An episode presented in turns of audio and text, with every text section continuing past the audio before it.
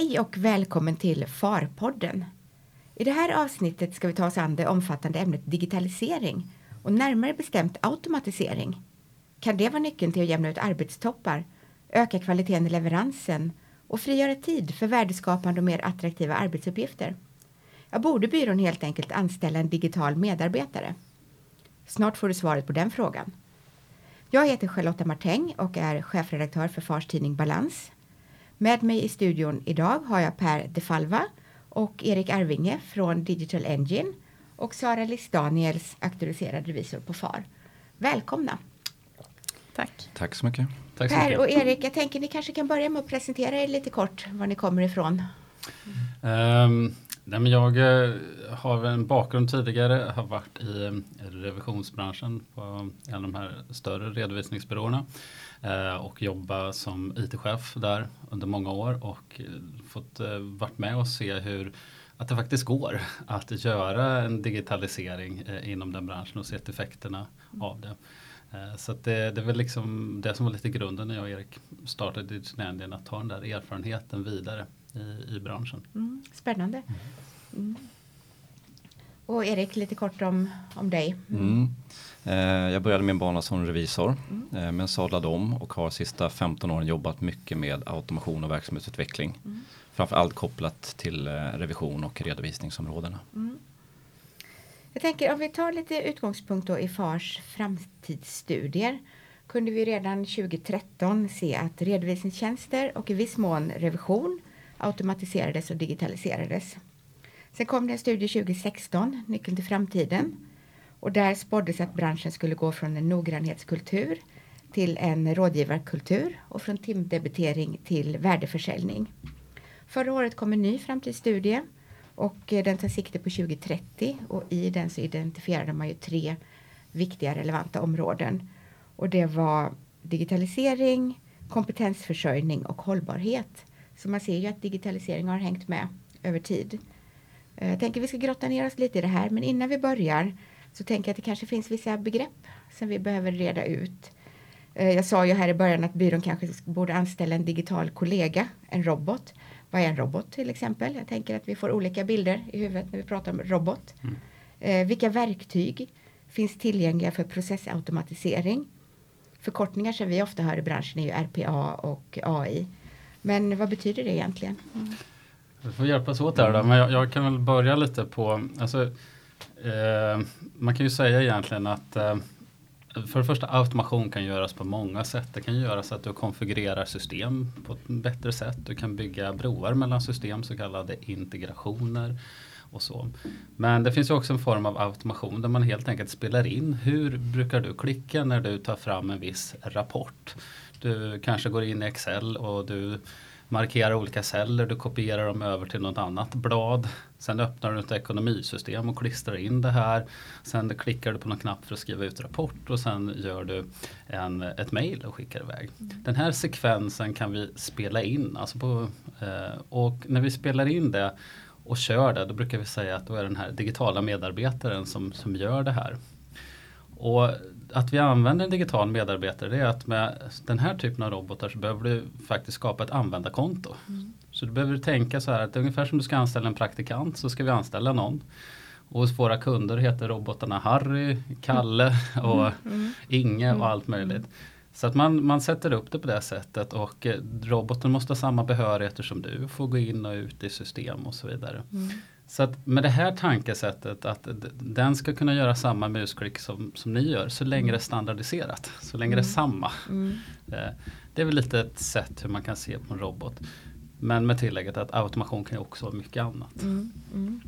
Erik? Ja, så är det. Det finns olika tekniker och egentligen så spelar inte det så stor roll i slutändan. För det stora projektet handlar om att få ner det vi har i våra huvuden, hur vi samarbetar tillsammans och få ner det i tydliga regler. För det är det oftast som, liksom att vi, det är det som är kärnan i automation, att vi får ner det som vi människor har i huvudet och få ner det i datorer så att datorerna kan utföra de här istället. Det är oftast det stora jobbet just kopplat till automation. Mm. Och sen att vi kommer överens om att vi gör på samma sätt. Och det är ju en utmaning mm. i, i, många kanske partnerdrivna organisationer och så här, att, eh, mm. en, en revisor är van att göra på sitt sätt och mm. någon på det andra. Så att man måste också hitta ett gemensamt arbetssätt för att få en effekt av automation. Mm. Hur ligger då branschen till när det kommer till digital transformation och processautomatisering? ja, nej, men vi kan väl koppla det till rapporten lite som FAR tog fram. Att den, då... den har ert företag tagit fram, Digital Engine? Eller vilken nej, rapport? Eh, nej, den rapporten mm. som eh, FAR har tagit fram ja, med, med Kairos Future. Ja. Och där vi, vi var, var med eh, som en del i den panelen och så. Mm. Men varför har den här branschen fortfarande resursproblem? Mm. Var, varför är det svårt? Och det är många anledningar men ett har att göra med man har ju inte fått bort arbetsbördan. Den här digitala transformationen har ju, man kanske skaffar mer system och så men det har ju inte lett till att, att man liksom har frigjort så mycket tid. Så att jag tycker ändå när man tittar på ohälsotal. Det är många som, som tycker det är väldigt tungt att jobba under de här peakperioderna för det. Um, jag träffade någon på tunnelbanan igår som sa ja, men jag bara längtar till jag kommer ur den här bubblan någon gång framåt mm. sommaren. Mm. Och så här. Mm. så jag tycker inte branschen har fått den där avlastningen de förtjänar. Så så sätt så, så är det nog en bit kvar på transformationen. Jag vet inte vad du säger? Men jag tycker FARs studie och det jobbet mm. som har gjorts inom FAR är väldigt insiktsfullt. För någonstans så är hållbarhet och kompetens hänger väldigt nära ihop med det som vi pratar om när vi pratar om automation. För någonstans måste vi börja plocka bort de här uppgifterna. Vi kan inte bara lägga på folk nya uppgifter hela tiden. Så lösningarna för liksom, att, att, vi använder kompetensen på rätt ställe för mig är en nyckelfråga. Mm. Det vill säga kompetensen som vi har, jätteduktiga redovisningskonsulter, revisorer och andra. De måste ju fokusera på en viss del av arbetet som kräver den mänskliga inblandningen. Men det är fortfarande så otroligt mycket standardiserade uppgifter som också måste göras av människor. Vilket liksom, då, där har vi en jätteutmaning mm. att förflytta det där. Mm. Känner du igen det här Sara? Jag känner absolut igen det och även om jag tror att branschen kanske inte har kommit så långt som mm. vi, vi trodde i den första framtidsstudien. Mm. Om man tog sikte på 2025. Där är vi ju snart. Mm. Så kan jag ändå känna att här på FAR så det är många som vänder sig till oss. Att det, liksom, det bubblar, det finns ett intresse. Mm. Och många vänder sig till oss och liksom presenterar nya idéer. Så att jag tror vi kan se inom en ganska kort framtid att det händer mer. Inte bara mm. inom redovisning utan också inom revision. Då. Mm. Eh, men sen Sen så är ju, det kanske är branschen att vi, vi är lite mer konservativa till, till våran mm. natur. Och, så det finns liksom kanske ett motstånd. Mm. Eh, att man, man är rädd att tappa kontrollen. Mm. Man vill ha den här underliggande mm. förståelsen för redovisningsregelverk, mm. för revisionsmetodik. Mm. För väldigt mycket så handlar det om att vi vi har ju en förväntan, vi skapar oss en förväntan och sen vill vi titta på men vart avviker det då? Vart kan vi ha problem? Vad behöver människan gå in någonstans och, mm. och titta lite närmare på saker och ting. Mm. Och då vill vi liksom inte tappa den här förståelsen och överlämna allting kanske till Nej.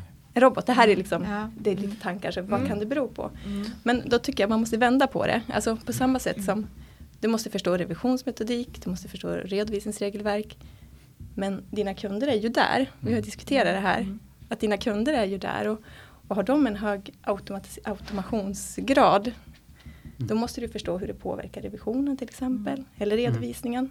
Mm. Mm. Så att, att börja med sig själv, det tror jag liksom är, är mm. jätteviktigt. Men jag tror, jag tror det finns ett begrepp, sense of urgency säger man ju på engelska, men att det måste finnas någonting som, som driver varför vi vill förändra något. Och jag tror att kompetensfrågan kommer vara en av de här tunga drivarna framöver. Mm. Just därför att liksom här, vi måste ha medarbetare för att klara högsäsongen om vi ska fortsätta jobba på det här sättet. Men det kanske inte finns tillräckligt. Mm. Vi måste ha duktiga redovisningskonsulter som ska hantera all mm. företagsstöd som behövs där ute. Mm. Och någonstans är inte det här en teknikfråga längre. Därför nu, nu det börjar bli en fråga att vi aktivt väljer att fortfarande sitta och skicka betalfiler eller lägga mm. upp betalningar för skatt Skatteverket mm. eller vad det nu kan vara för mm. någonting. Mm.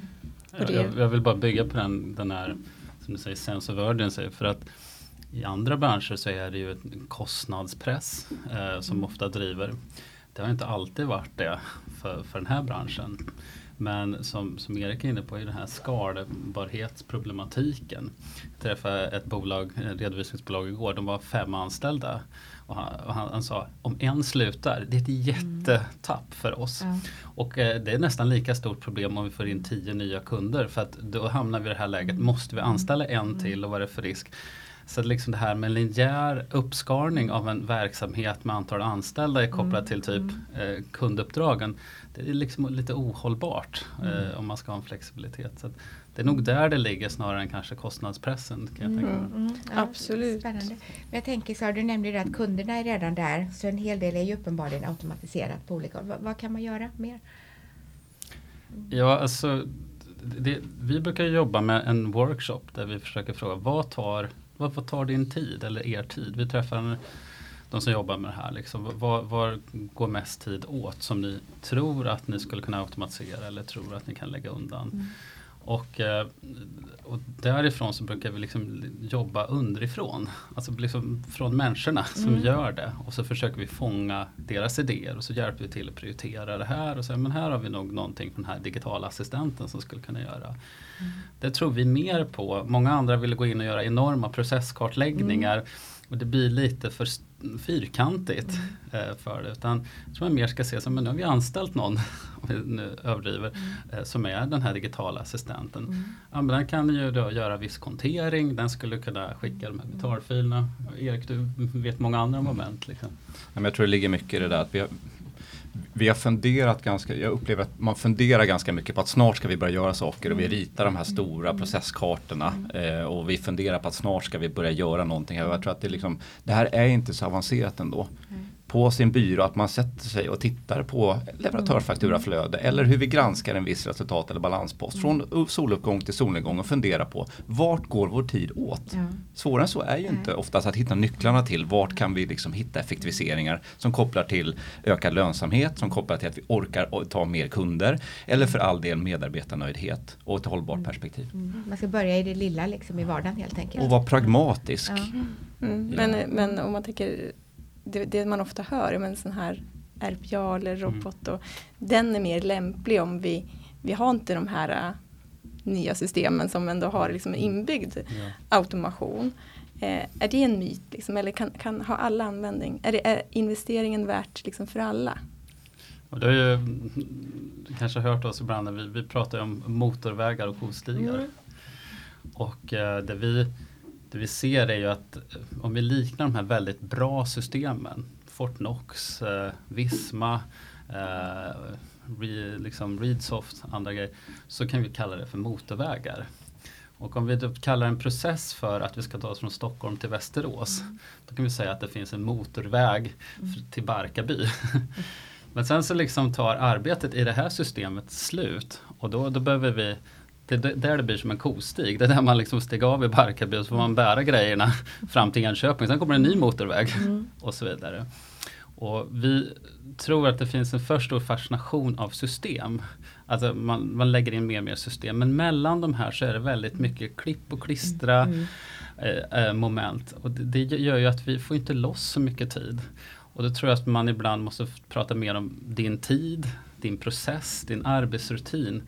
Och sen så sa okej, vi har de här systemen. Hur, gör, hur bygger vi ihop dem mellan Barkarby och Enköping på bästa sätt? Ja, då kanske vi kan skruva i Fortnox så att den gör någonting eh, smart själv. Eller så, så tar vi och gör en robot som gör arbetet klockan två på natten och flyttar. Jag kan bara ta en sån grej som, eh, nu är jag inne på redovisningssidan, men ändå att många har löner i Visma. Och sen så gör de med övriga redovisningar Fortnox. Och så ska de liksom flytta över allting däremellan. Och det där blir, bara det sån här manuellt jobb som blir väldigt mycket när man har väldigt många kunder. Så där har vi en kostig liksom mellan två motorvägar. Mm. Hur är det, har man kommit lika långt med automatisering inom revision som inom redovisning? Nej, jag tycker inte det. Det Nej, min känsla är också nej. Mm. Och jag tror det bygger mycket på att, att redovisning har ganska länge varit en utpräglad systemsport, kanske ännu större utsträckning Mm. eh, än, än revision. Och det är min, det är min personliga tolkning Mm. egentligen. Så att det finns en större närhet i det här. Jag tror också kanske att eh, marknadssituationen spelar viss roll. Till exempel Per var inne på eh, liksom pris, eventuella prispresser på marknaden. Prispunkten för vad kunderna är villiga att betala för eh, kanske mer standardiserade tjänster och liknande. Så jag tror att det kanske driver den delen lite mer. Mm. Sen tycker jag att vi har ju träffat på revisorer som säger så här att ja men det var ju det här liksom slitsamma operativa arbetet som jag lärde mig hur det fungerar. Och då blir det som en liksom förklaring till att man inte då vill släppa det här. Jag tror du var inne på det lite mm. tidigare. Ja, ja men precis, man säger det, liksom det, det är det här hantverket, det är fingertoppskänslan, ja. det är det professionella skepticismen som mm. liksom är eh, ryggmärgen på revisorer. Mm. Men om ni skulle säga, alltså inom revision om man pratar om automatisering och sådär, mycket är ju fokus på själva leveransen kan jag tycka, alltså kvaliteten i, i revisionen. Men om man frågar en revisor då, vad tar din, vad tar din tid? Eh, har ni några tankar där? På, på, är, det, är det någonting som revisorerna missar? Det här är faktiskt någonting för, för revisionsbyråer också. Ja, men det, det är det. Alltså jag, jag ser så här att det finns jag känner ibland att den blir lite framtung. Eller liksom hela revisionsjobbet har så mycket att göra med att göra det jobbet. Sen, sen i slutet ska man försöka analysera det här. Och de här analystjänsterna är inte alltid paketerade och så vidare. Jag, träffade en revisionsbyrå, och träffade en revisor som sa, ja men ibland får man ju frågan från kunden, vad ser du? Ja, vad menar du? Revisionen är klar. Liksom. Um, och då tror vi att mycket har till exempel att göra med informationsinsamlingen. Det kan ju vara 90-100 olika punkter som ska samlas in. Om den strular, ja då blir ju hela det resterande jobbet lidande av det. Och då, då blir, äter ju det lite på det här ehm, liksom ehm, eh, helikopterperspektivet över hur har det gått för företagen, de här kvalitativa insikterna. Har man dessutom inga tjänster som man har paketerat där på slutet, att vi ska ge den här och den här analysen, då blir det att man tummar lite av det. Så att jag tror mycket har att göra med insamling av data, stickprovskontroller och sånt där. Där tror jag vi kan göra mycket. Mm. Mm. Mm. Jag tänker, det, det, låter ju väldigt bra alltihop och så här. Men, men det måste ju finnas risker. Ni, ja, men ni har ju berört det lite grann här. Att man kan tappa hantverket och om man har processer som gör liksom grundjobbet åt en så får man inte den förståelsen för yrkeskunskapen. Mm. Ja, men jag vet, det var ju någon, någon kommun här i Norrland där inom hemtjänsten. Man mm. hade ju väldigt automatiserat, digitaliserat. Och sen var ju den här stora hackerattacken och helt plötsligt kom man inte åt någonting. Mm. Då ställde jag om till papper och penna. Mm. Jag hörde en jättespännande intervju. På, ja, men på, på en kvart, 20 minuter så hade liksom personalen gått tillbaka till det gamla papper, penna, dokumentera. Mm. Hur tänker man kring den typen av risker? Det, det är ju som du säger, det, är klart det finns risker med det här. Mm. Och de är ju alltifrån hur ska jag säga, stora globala som, som intrång och, och så vidare. Det, det, gäller ju här också. Mm. Sen är det ju risken om, om vi tappar kvalitet i, i det här. Och det tror jag man ska vara liksom lite man ska nog kanske inte låta en process till 100% göras av en robot. Utan den kan ju förbereda liksom allting med betalfiler, kontering eller någonting. Så kanske man fortfarande vill vara den sista som, som gör det här skicka momentet mm. i, i det. Man kan idag låta den digitala assistenten göra 40% av processen. Sen stiger du in som person i, i mm. mitten, gör några steg och sen så gör den kanske ytterligare 40% och sen så mm. kommer du in på slutet. Så man kan ju jobba liksom en interaktion där mm. eh, med det. Sen det andra som är, som är viktigt är väl att, att man också låter den här digitala assistenten ge ifrån sig loggar eller meddelanden. Nu har jag gjort det här eller här är underlaget eller så här många körningar har gjorts i natt mm. eller nu har de här check, stickprovskontrollerna genomförts. Så att man har liksom transparens också mm. mm. där. Det, det, det tror jag är en viktig grej. Jag tror det. Jag tror att det är, och det är ett tveeggat svärd det där med risker. Mm. Jag menar, å andra sidan så ser vi ju risker att liksom, processer kanske inte utförs. Mm. Eh, mänskliga fel i processer och liknande. Så du har ju också riskmitigering som, kan, liksom, som automation kan avhjälpa. Men jag tror att det är viktigt som, som Per säger att, att, automation får inte leva som en silo i verksamheten utan den ska liksom vara nära medarbetarna, nära verksamheten. Per var inne på det. När roboten är klar, att den sträcker upp handen i luften och säger nu är jag klar. Det finns en eh, fil någonstans som en medarbetare kan gå in och faktiskt titta vad har roboten gjort. Det är ett jättelitet arbete för medarbetarna att vara den kontrollerande parten, att överse automationen. Det här handlar ju väldigt mycket kopplat till att ta bort vår tid men också att jobba smartare. Att vi kontrollerar vår automation som gör det här grovjobbet åt oss egentligen. Mm. Så det är väl där mycket man behöver fundera som verksamhet, att liksom leva nära automationen som man stoppar in för att minska risker. Mm. Och sett ur revisionshänseende, det här är ju någonting som i och med att allt fler kunder som revisorn ändå granskar har en hög automationsgrad Så det är någonting som vävs in i revisionsstandarder till exempel. Det finns någonting som kallas, kallas automation bias, alltså att revisorn ska inte sätta för hög tilltro bara för att någonting är genererat automatiskt mm. från ett system. Mm. Alltså, och, och, då direkt, alltså man har den här, man är medveten om risken och sedan som med allt annat att ha den kompetensen som krävs. Mm vi diskuterade lite mm. inne, så här, vad, vad, kan man ställa för frågor till, till mm. kunden, har ni något tips? Liksom, men mycket handlar om att, att förstå.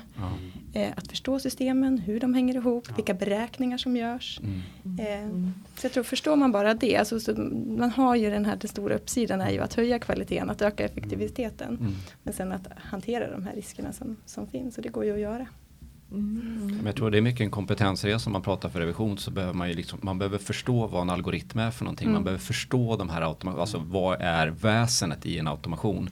För det du behöver titta på och förstå det är ju liksom att det finns en automation som där saker och ting ska uppfylla vissa kriterier. Den gör olika val längs en kedja av händelser. Mm. mm. Det där behöver du kunna förstå och syna som en revisor för att då kunna förstå vad är det för resultat som renderas? Vad är det för avsteg som kommer längs processen och var ska jag rikta mitt fokus i en granskning till exempel. Mm. Mm. Man behöver alltså också IT-pedagoger som sitter ute på byråerna och kan liksom väldigt hands-on förklara. Ja, men jag, jag tror tänker det. att många tjänster nog säger, åh gud, inte en grej till och mm. försöka få in och förstå. Mm.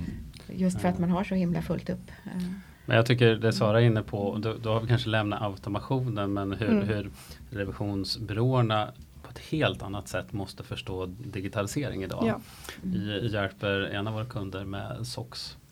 Bitar. Mm. Och liksom, när jag var IT-chef då kunde man ibland komma undan med att vi är ISO-certifierade. Mm. Här är det så här att du ska ha evidens på allting. Alltså så mycket skärmdumpar de måste ta fram på hur de har gjort alla mm. sekvenser. Eh, vilket i sin tur sliter ut nästan eh, vanlig personal. Mm. För de får jobba enormt mycket med det här. Men det är i alla fall ett tecken på hur revisorerna på ett helt annat sätt granskar IT-automationen mm. hos kunden. Mm. Eh, och då kan man väl säga att med den kunskapen så kanske man kan hantera riskerna även i sitt interna arbete ja. lite grann. Ja. Jag skulle, jag skulle vilja gå ett steg längre. Jag skulle verkligen vilja se en utveckling där revisorerna jobbar alltså proaktivt och nära bolagen för att tillsammans med dem kanske till och med designa automationerna så att de verkligen är med från starten för att förstå hur vi sätter upp automationen på ett bra sätt men som också renderar en god intern kontroll som renderar en, en hög precision i processerna och som också liksom genererar att vi kan liksom tydligt granska de här olika resultaten som automationerna hos deras kunder ger. Så jag tror det är en nyckelfaktor. Mm. Sen, sen, är det väl vissa gränsdragningsproblematiker där också utifrån självgranskning och annat. Men alltså definitivt att de behöver ha den kompetensen och när de går ut och granskar så det är ett uttryckligt krav också liksom i ISA-standarderna mm. för att, att du ska ha den förståelsen. Mm. Eh, absolut. Mm. Men vad säger ni nu då efter det här? Kan man säga att man kan kapa arbetstoppar med automatisering? Ja, det, annars, så, eh, annars så får vi sluta med vad vi är. Vi, vi tror ju väldigt mycket på det eh, kring det. Eh, det, det, det alltså, om, om man tittar i, under de här arbetstopparna så utvärderar hur mycket av det här är högkomplexa uppgifter och hur mycket av det här är lågkomplexa uppgifter. Och tar det som är lågkomplext och säger att den här digitala assistenten kanske skulle göra en, en merpart av det. Det borde kunna få ner arbetstopparna. Sen ser vi också att med eh, den här assistenten så kan vi schemalägga aktiviteter. Och det kan göra att sånt här, det har inte blivit av att jag har frågat efter den här grejen. Och så här. Då kan sådana här saker ageras mer i förtid. Mm. För det, det. Där kommer den här risken som man pratar om och som man har hört under så många år. Att, oh, hjälp robotarna tar vårt jobb. Mm. Det här resonemanget att okej, okay, man, man, får bort vissa grejer, man schemalägger, man automatiserar, man tar bort mm. den mänskliga handen i vissa fall finns det då en risk att man som arbetsgivare tänker att ah, men vad bra, då kan vi plocka bort en person för då hinner ju de här göra mer av, av det andra jobbet. Alltså stöter ni på den när ni är ute och pratar med företag? Ja, den dimensionen kanske finns någonstans. Men jag skulle säga att jag som jobbar väldigt mycket operativt mm. är ute på avdelningar. Jag ser inte den verkligheten. Nej. Alltså människor har så fruktansvärt mycket att mm. göra. Mm. Eh, och som svar på din fråga så är väl liksom, automation handlar ju inte om att, för mig handlar det inte om rationalisering, det handlar väldigt mycket om hållbarhet och att börja ta bort och avlöva de här sakerna som vi människor inte längre behöver göra. Vi väljer fortfarande att skicka betalfiler, vi väljer mm. fortfarande att manuellt hantera skatteinbetalningar eller vad det nu är för någonting. Och jag tror att vi måste, liksom, vi måste komma till en punkt där vi förstår att det handlar om att släta ut topparna snarare än att liksom kanske ta bort topparna helt. Det vill säga tar vi bort mycket av det som händer hela tiden för människor, det som de gör varje dag, varje vecka. Det som jag ser effekterna det är att vi kanske till exempel konkret kan börja med ett bokslut en vecka eller två veckor tidigare och förbereda. Mm. Vilket gör att vi slipper de här topparna till sitta på 23 på kvällarna sista, mm. sista dagarna inför, inför bokslut. Mm. Jag, tycker, jag får bara fylla i det du säger för att vi kör de här workshopparna. Mm. Det tar ungefär två timmar på det. Och jag och Erik har väl gjort kanske 40-50 sådana här mm. workshoppar och vi har hittills aldrig varit under 10 eh, förslag som kommer fram. Vi brukar snitta någonstans mellan 15 till 25 idéer som de kommer upp med. Vi trodde också i början att nu kommer folk bara sitta tysta och vara rädda om sitt jobb. Men folk är less mm. på vad de gör. Mm. Och under förra året så gjorde vi ett arbete med en revisionsbyrå där vi intervjuade många av de som utförde revisionsprocessen. Mm. Och det finns ett citat därifrån som jag liksom inte kommer släppa och det var en kille som sa jag är utbildad civil, eh, civilekonom. Jag är inte här för att eh, pricka årsredovisningen. Mm. Mm. Ja. Och, och, så här, och det är liksom så att en sån person kommer att komma med idéer. Ja. Och det är nog värt att lyssna på de här. Liksom. Mm. Ja, och jag tänker också att risken är att just en sån person faktiskt lämnar branschen annars ja. för att knyta an till mm. attraktionskraft och kompetensförsörjning. Och, mm. och de så kan det vara. Och sen utifrån så som jag uppfattar våra medlemmar, alltså det handlar inte bara om revisorer utan även redovisning och alla. Det är, ett, det är tufft att hitta kompetent personal. Mm. Så vi behöver ha ett attraktivt erbjudande och då, då kanske inte pricka årsredovisningen mm. eller, eller mm. samla in material från mm. kunden är det mm det de vill jobba med. Sådär. Helt enig. Mm. Ja, tiden rinner fort så här när man har, har ett trevligt samtal. Men jag tänker att många som lyssnar nu kanske funderar på väldigt konkreta saker som ja, men vad kostar det här och hur mycket tid och pengar kan mm. vi spara? Stöter ni på den typen av frågor och hur, hur ser ni på det? Eh, det, det medskicket från oss det är att gör inte det här till en jättestor fråga. Mm. Gör inte det här heller till en nice to have fråga den här dagen när allting är soligt och klart. Eh, det är mycket att göra för eh, liksom, er som lyssnar och så men liksom, det kommer det vara imorgon också. Jag tror man måste ta steget och komma igång med det. Vi försöker att göra det här på ett enkelt sätt med, med, med workshops och, och, hitta några och sen gör man en pilot. Man testar eh, några processer under en viss tid och så man väljer om man vill gå vidare eh, för det. Så att, eh, vi försöker se till att eh, de som gör det här har en ROI eller en return of investment på mellan ett till två år på det, det vi gör eller det de gör med oss. Mm. Och Sara, om vi bara lite kort återkopplar till inledningen och FARs framtidsstudier. Mm. Vad tänker du? Tror du att digitalisering och automatisering kan vara en pusselbit för att lösa kompetensförsörjningen? Ja, men det tror jag absolut. Ehm, jag tror definitivt att det är en pusselbit och förutom att det är en förväntan både från, från kunder men också framtida medarbetare. Ehm, så så, så det, det är bråttom nu ändå. Och det kan ju också flagga för det nya hållbarhetsdirektivet. Och där breddas ju revisorernas arbetsuppgifter väsentligt mm. också nu. Så ta den här chansen. Ehm, ta de tillfällen som, som finns i jakt mm. att bli mer effektiv. Mm. Ja, och, och med det då så får det avsluta den här FAR-podden. Det jag tar med mig är ju lite grann att automatisering handlar inte om att avveckla personal utan snarare om att utveckla byråns erbjudande och eh, personalens kompetens. Det ska bli mycket spännande att följa vad som händer på området. Rätt säker på att vi kommer återkomma till det här i flera av våra kanaler. Tack Sara, Per och Erik för att ni var här idag. Och stort tack till alla er som har lyssnat.